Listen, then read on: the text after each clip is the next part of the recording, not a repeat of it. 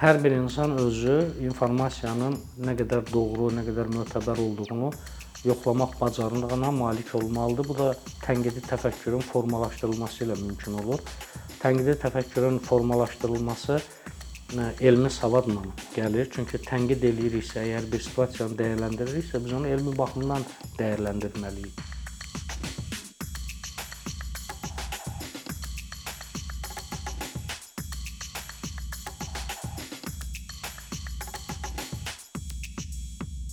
Yalçın bəy salam, xoş gəldiniz sizə ikincidə. Biz sizin çıxışlarınızda, yazılarınızda tez-tez elmin vacibliyi, əhəmiyyəti ilə bağlı tezislər eşidirik. Elə mövzuya da burdan başlamaq istərdim ki, elmin kütləviləşməsi, populyarlaşması niyə əhəmiyyətlidir? Bu niyə vacibdir və Azərbaycanda bununla bağlı mövcud vəziyyət necədir? Təşəkkür edirəm dəvətə görə. Elmin kütləviləşməsi niyə vacibdir? İstənilən orta məktəb və ya universitet dərsliyini tutaq ki, fizika, kimya, biologiya götürüb orada məzmunun təqdim edilməsinə baxsanız, görəcəksiniz ki, müəyyən bir bölmədə, müəyyən bir mövzuda elmi biliklər, faktlar, müəyyən prinsiplər, təriflər sadalanır. Məlumat, data müəyyən cədvəllər şəklində təqdim olunur. Orada qrafiklər var və e, arada uzun-uzun paraqraflar var. O paraqraf hissəsi əslində e, fiziki, təbiət hadisələrini izah edən e, hissələrdir. Biliyin adətən 4 növü fərqləndirilir: faktoloji bilik, prosedural bilik və konseptual bilik. Biz həmin dərsliklərə baxanda tutaq ki, təriflər, fizik müəyyən sabitlərin qiymətləri, müəyyən prinsiplər, Bunlar daha çox faktoloji biliklərdir. Müəyyən düsturun tətbiqi ilə məsələ həlli bu prosedural biliyə aiddir. O izahlar isə səbəb-nəticə əlaqəsinin izah olunduğu hissələr isə konseptual biliyə aiddir. Əslində edilən səhvlərdən biri o olub ki, bu dünya miqyasında belədir. Orta məktəb təhsilində daha çox faktoloji və prosedural biliklərin öyrədilməsi üzərində dayanılıb. Buna görə hətta universitetin 1-ci, 2-ci kursunda oxuyan tələbələr belə bütün məsələləri həll elədikləri halda keyfiyyət xarakterli suallara, açıq tipli, situasiya tipli suallara cavab verməkdə çətinlik çəkirlər. Bunu göstərən xeyli beynəlxalq tədqiqatlar var, məqalələr var, hesabatlar var. Yəni işin konseptual tərəfi ehmal edilib. Elmi kütləvi kitablar həmin o prosedural hissəyə toxunmadan, düstur vermədən, məsələ həllini öyrətmədən, qrafik çəkmədən konseptual tərəfini izah eləyir. Həmin konseptual tərəf də bizim elm savadı dediyimiz bacarığın əsasını təşkil edir. Hər elm sahəsinin müəyyən böyük ideyası və ya nəzəriyyəsi var. Məsələn, fizikada böyük bir birləşdirici ideya var, saxlanma qanunları. Tutaq ki, enerjinin saxlanma qanunu sonsuz sayda demək olar ki, hadisələri vahid perspektivdən izah edir.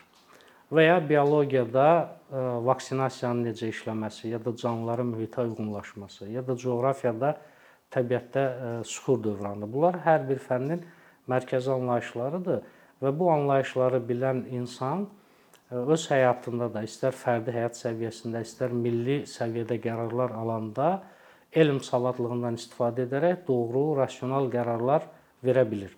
Və orta məktəb e, təbiət fənlərini, fizika, kimya, biologiya, coğrafiya bunları az-çox e, orta səviyyədə mənimsəmiş bir insan üçün elmi kütləvi kitabları e, oxumaq, anlamaq çətinlik yaratmır. Çünki o müəlliflər həm də çox yaxşı izah edicilərdir və onlar sadələşdirərək izah etməyi bacarırlar. Bu janrın özündə böyük ustaları var, dünyada çox populyardılar.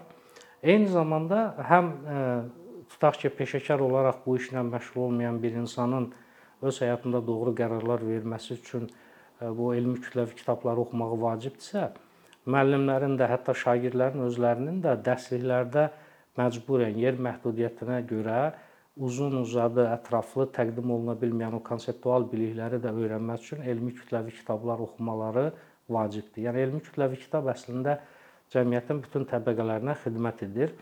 Mən bəzi misallar vermək istəyirəm. Tutaq ki, e, enerjinin saxlanma qanunu bu fizikadakı ən böyük ideyalardan biridir O fizikada bir neçə saxlanma qanunu var. Hər birinin çox ciddi nəticələri var.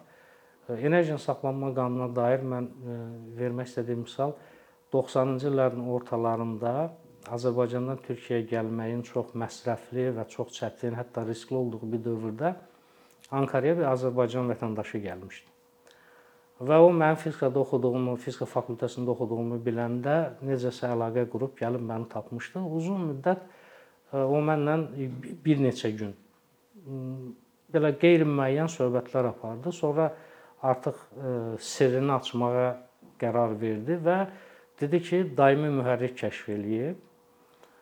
Azərbaycandan Türkiyəyə gəlib ki, həmin daimi mühərrik ideyasını TÜBİTAK-a təqdim eləsin və TÜBİTAK da bunu Türk hərbi sənayesinin xidmətinə versin. Yəni düşünün ki, orta məktəb fizikasını normal oxumuş bir insan bilərdi ki, bu məsələ yəni artıq müzakirə olunmayan bir məsələdir və o qədər çətin vəziyyətdə, o qədər məhdud resurslarını istifadə edib qalxıb Bakıdan Ankaraya gəlməzdi. Bu günün özündə belə energetika sahəsində işləyən bir dostumuz danışır ki, həftədə 2-3 nəfər ona layihələr gətirirlər, daimi mühərrik kəşf elədiklərinə dair. Həm o müəssisənin vaxtı gedir, həm insanların özlərinin vaxtı gedir, resurslar boşuna istifadə olunur. Və ya e, biologiya sahəsində biologiyanın ən böyük prinsiplərindən biri adaptasiya prinsipidir, canlıların ətraf mühitə uyğunlaşması və eyni zamanda mikrobiologiyada e, mikro mikroorqanizmlərin insan orqanizminə təsiridir. Xüsusilə müəyyən krizis dövrlərində biz işlər normal axanda bu nüanslara çox diqqət eləmirik. Amma bəzi krizis dövrlərində ki, artıq hər kəs öz fikrini deyir, narahat olmağa başlayır. Biz əslində elm savadının nə qədər az olduğunu görə bilirik. Pandemiya dövründə bir ara həkimi e, bir status yazmışdı. O insanları peyvənd olunmamağa çağırırdı və iddia eləyirdi ki, hər sabah bir qaşıq bal qəbul eləməklə bu pandemiyadan qorunmaq olar. Əlbəttə vaksinlərin necə işlədiyini bilən bir insan balın bir qida maddəsi olaraq vaksinin funksiyasını əvəz edə bilməyəcəyini bilir. Amma o insanın statusu çox populyar oldu, insanlar ona haqq verirdilər, paylaşırdılar. Sonra məlum oldu ki, həmin insan özü bal satır. Yəni bəlkə dalveri getmək üçün belə bir psevdo elmi iddia ortaya atmışdı. Bizdə biraz hələ ki təhlükəsiz kimi görünsə də, məsələn İngiltərədə çox ciddi problem yarandı.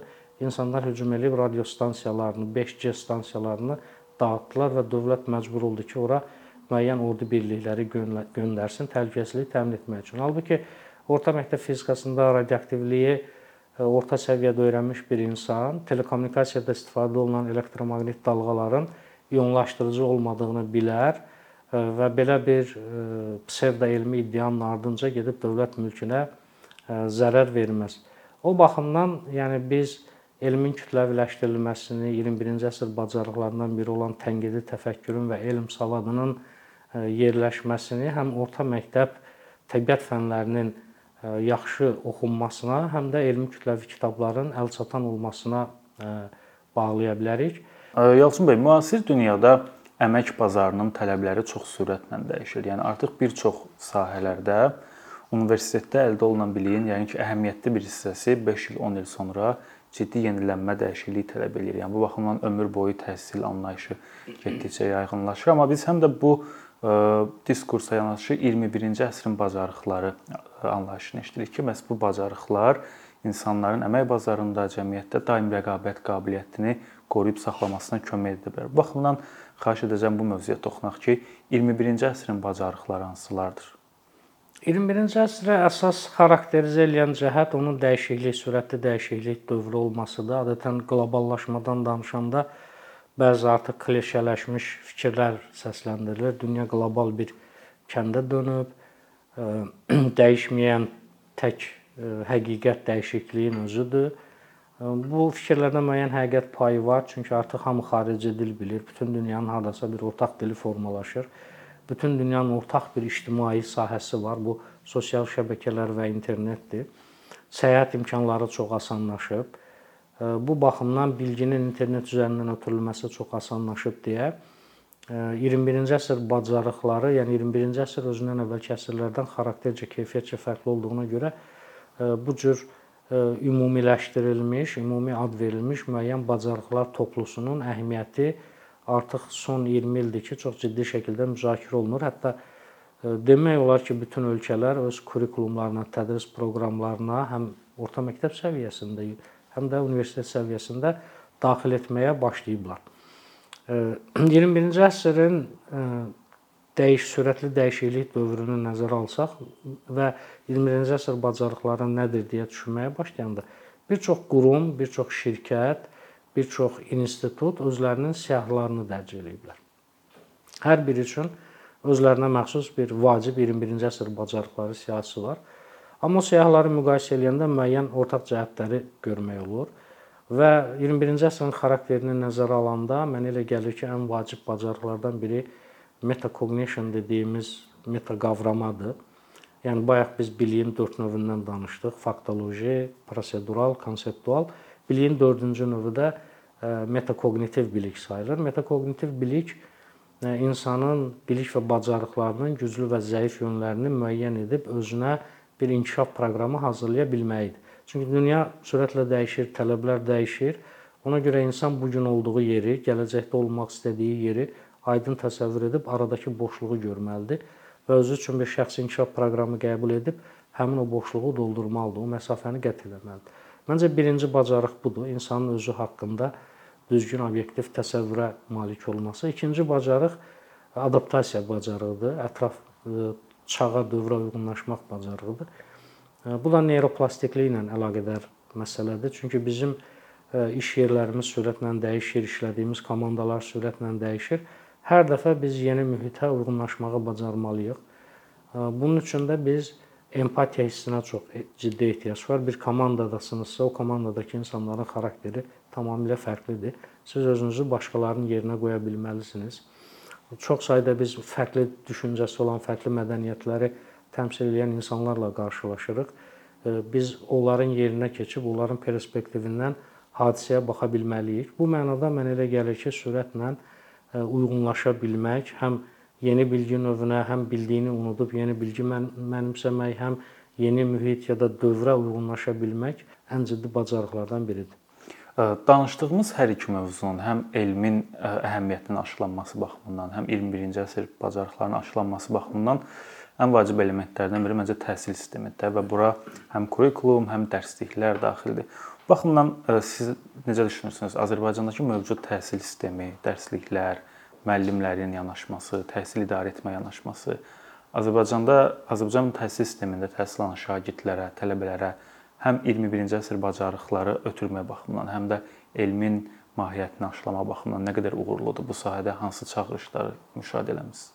Uğurdan danışmaq hələ tezdir, çünki bizdə bu proseslər nisbətən e, yeni başlayıb e, və biz 21-ci əsr bacarıqlarından biri də tənqidi təfəkkürdür. Çünki 21-ci əsrin xarakteristik xüsusiyyətlərindən biri də informasiya axınıdır. Müxtəlif kanallardan biz hər gün e, böyük həcmdə informasiya axınına məruz qalırıq və bu informasiyaya nəzarət edən bir qurum yoxdur.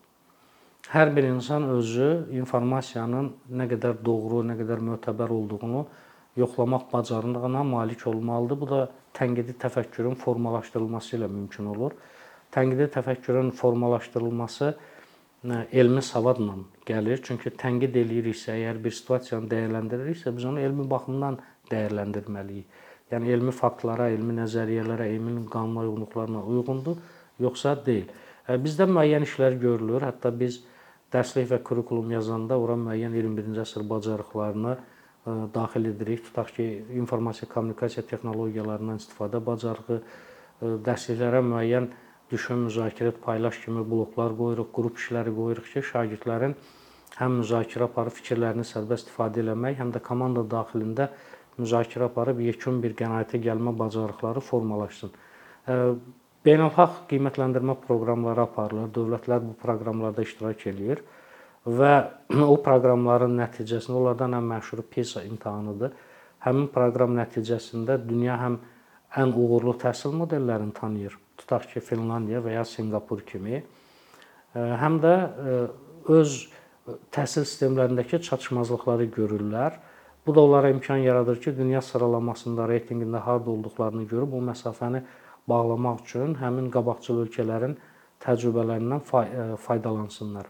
Azərbaycan bu çağırışla üzləşdi. Xüsusilə həmin o PISA beynəlxalq qiymətləndirmə imtahanında çox zəif nəticə göstərməklə bu problemlə üzləşmişdi və bu çağırış gəlmişdi ki, biz e, dərslikləri və kurikulumlarda, kurikulum və dərsliklərdə islahat aparılmalıdır ki, şagirdlərin öyrəndiyi bilikləri gündəlik həyatda tətbiq edə bilsinlər. Məktəb sonrası həyatda da onlara faydalı olsun. Artıq bir neçə ildir ki, həm Təhsil Nazirliyinin, həm Nazirlər Kabinetinin müvafiq qərarları ilə kurikulumların və dərsliklərin təkmilləşdirilməsi layihəsi davam eləyir. Bu layihə çərçivəsində 1-ci və 4-cü siniflərdəki həyat bilgisi e, kurikulumuna bizim e, bu ümumi e, science, təbiət fənni dediyimiz inteqrativ fənnin ki, orada fizik elmlər və bioloji elmlər var, müəyyən əsas mövzuları daxil edildi. O mövzulara o mövzular şagirdlərə çox sadə, onlara tanış olan kontekstdə tanıdıldı. 5-ci, 6-cı siniflərdə artıq təbiət dərslikləri tədris olunur. 1-ci, 4-cü sinifdə öyrədilən o fundamental anlayışlar 5-ci, 6-cı sinifdə biraz daha genişlədilib dərinləşdirilir, biraz daha onlara formallıq qazandırılır və bu iki e, proqram 7-ci sinifdən etibarən fizika, kimya, biologiya, coğrafiya kimi təbiət fənlərinin daha dərindən, daha akademik, təbii ki, orta məktəbin səviyyəsinə uyğun şəkildə tədris edilməsi üçün baza yaradır. Mən düşünürəm ki, bizim təhsil sistemi bu çağırışı qəbul edib və imkan daxilində müəyyən e, bu çağırışa cavab verməyə çalışır. Müəyyən addımlar atılıb və müəyyən müsbət dəyişikliklər müşahidə olunur. Haçim bəy, Azərbaycan Cənubi Qafqazda əhali sayına görə ən böyük ölkədir, amma biz bir çox elmi platformaların yayımladıkları indekslər var. Həmin indekslərə nəzər salanda görürük ki, adam başına düşən akademik məqalə və digər yazı növlərinə görə Azərbaycan nəinki inkişaf etmiş ölkələrdən, elə region ölkələrinin bir çoxundan geri qalır. Necə hesab edirsiniz? Bizdə bu elmi fəaliyyətin, elmi nailiyyətlərin az olmasının başa düşürəm ki, bu çox dərin və yəqin ki, səbəbləri çoxlanmışdır. Da konseptual əsas problemləri nədə görürsüz ki, bizim elm sahəmizin məhsuldarlığı bu qədər aşağıdır? Açığı mən bu suala ətraflı və dəqiq cavab vermə mövqeyində deyiləm. Elə bir səlahiyyətim olduğunu da düşünmürəm. Çünki mənə elə gəlir ki, bu suala cavab vermək üçün böyük bir sorğu aparılmalıdır. Xüsusilə akademik fəaliyyətlə məşğul olan insanlardan üzləşdiyi çətinliklər soruşulmalıdır və müsbət dəyişiklik etmək üçün hansı tədbirlər atılmalı olduğu onlardan öyrənilməlidir. Yəni problemi bilavasitə o sahədə işləyən insanlar daha yaxşı bilər. Düzdür, bəzən müəyyən akademik fəaliyyətlə məşğul olan insanlar ekranlara çıxırlar. Onların ifadə elədikləri problem əsasən büdcənin, elmi fəaliyyət üçün büdcənin az olmasıdır. Mən açığı buna o qədər də inanmaq tərəfdarı deyiləm. Nə üçün? Çünki az da olsa ildən ilə elmə ayrılan büdcə artır. Ancaq o az artışa artışın müqabilində biz hər hansı bir irəliləyiş az da olsa görə bilmirik. Yəni büdcəmiz yoxdur, biz araşdırma apara bilmirik, amma büdcəmiz gəlsə birdən-birə keyfiyyət dəyişikliyi olacaq, kvant sıçrayışı baş verəcək və biz ön sıralara yerləşəcəyik. Mən belə olduğunu düşünmürəm. Adətən e, müəyyən nəticə ortaya qoyulur və deyilir ki, biz bu nəticəni məhdud imkanlarla əldə etmişik dəstək olsa bu nəticələri biz daha böyük miqyasda təkrar edə bilərik. Belə ola bilər.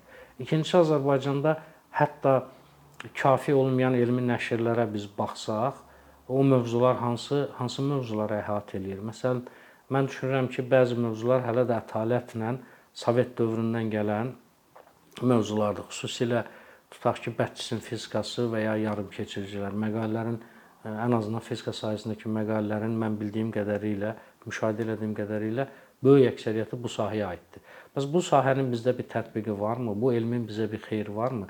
Ola bilər bizdə bir gün nəsə oldu, tutaq ki, standart modelə dair 15-20 çox səmballı məqalə yazıldı, amma bu məqalə xarici jurnallarda nəşr olunacaq. Onları yoxlamaq üçün yalnız e, qərbdəki müəyyən mərkəzlərdə elmi texniki baza var və onun bizə bir dönüşü olmayacaq. Mənə elə gəlir ki, ölkədə elm strategiyası, elmin inkişafı strategiyası yenidən gözdən keçirilməlidir. Bizim e, çox fundamental nəzəri tədqiqatlara mı ehtiyacımız var, yoxsa daha çox təbiət fənlərinin tətbiqi yönlərinə biz e, diqqət yetirməliyik. Ölkəmizdə hansı sənaye sahələri inkişaf edə bilər və o sənaye üçün hansı bilik və bacarıqlar tələb olunacaq ki, biz onların e, əsasını necə qura bilərik? Universitet proqramı mənə elə gəlir ki, yenilənməlidir. Mənim tanış olduğum qədərilə bizim universitet proqramları məhsuldar deyil. Yəni müasir biz Orta Doğu Texniki Universitetində oxuyanda hər il dərsliklər yenilənirdi.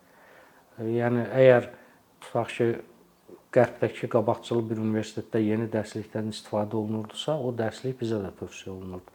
Yəni oradakı dərs proqramı Qərbin ən qabaqcıl universitetləri ilə paralel gedirdi. Ona görə bu yaxınlarda bir Orta Doğu Texniki Universiteti məzunu Oksford Universitetində laboratoriya müdiri oldu. Mən düşünürəm ki, ora adaptasiya olmaq üçün, həmin laboratoriya müdiri olmaq üçün o, o insan çox əziyyət çəkmədi, çünki sistem çox oxşardır. Hardasa paralel gedir. Bizim aramızda nə qədər məsafə var? Mənim bəzi proqramlarla tanış oldum və gördüm ki, o proqramlar real deyil. Köhnəlmiş proqramlardır, həddən artıq ağır nəzəri materiallardır və bəzən o ixtisas sahibinə lazım olmayacaq materiallar öyrədilir. Yəni sadəcə qiymət alacaq və bir daha da həyatında o məzmundan istifadə eləməyəcək. Ona görə nəyə görə o 4 illik dəyərli tələbə vaxtını həmin tələbəyə həyatı boyunca lazım olmayacaq bir məzmunun öyrədilməsinə sərf olunsun. Və bunların Bunlar bu sahədə universitetlərin, universitet müəllimlərinin, akademiyanın öz üzərinə ciddi iş düşür. Xüsusilə təbiət fənlərinin tətbiqi sahəsinə dair müəyyən bir proqram qəbul edilməlidir. Bizdə tutaq ki, Azərbaycanlı alimləri də başqa mühitdə müşahidə edəndə onların nəzəri biliklərinin çox irəli olduğu görülür. Bariz şəkildə çox irəlidədir. Bu da yenə bizim mirasını qəbul elədiyimiz Sovet elmindən qaynaqlanır. Çünki Sovet dövründə özəl sektor olmadığına görə elmi kəşflər, ixtiralar bir məhsula, yəni istehlakçı məhsuluna çevrilə bilmədiyinə görə, marketdən ona dəstək gələ bilmədiyinə görə SSR-də işin tətbiq yanı çox zəif idi. Ona görə bütöv MDB məkanında bu gün bir məişət elektronikası tutaq ki, istehsal olunmur və biz bunu düşünüb hələ də Sovetin elmi deyib əgər o ənənə ilə gediriksə, bilməliyik ki, o elmin bizə real həyatda bir faydası olmayacaq. Mənə elə gəlir ki, bu məsələlər ətraflı şəkildə düşünülməlidir və müvafiq institutların, qurumların iştirakı ilə müəyyən bir proqram tətbiq olunmalıdır. Yəni sırf formal xarakterli deyil, real və ölçülə bilən bir proqram olmalıdır ki, biz hansı mərhələlərdə bunu həyata keçirəcəyik və hər bir mərhələnin nəticəsini necə ölçəcəyik. Maraqlı söhbət üçün çox sağ olun. Buyurun.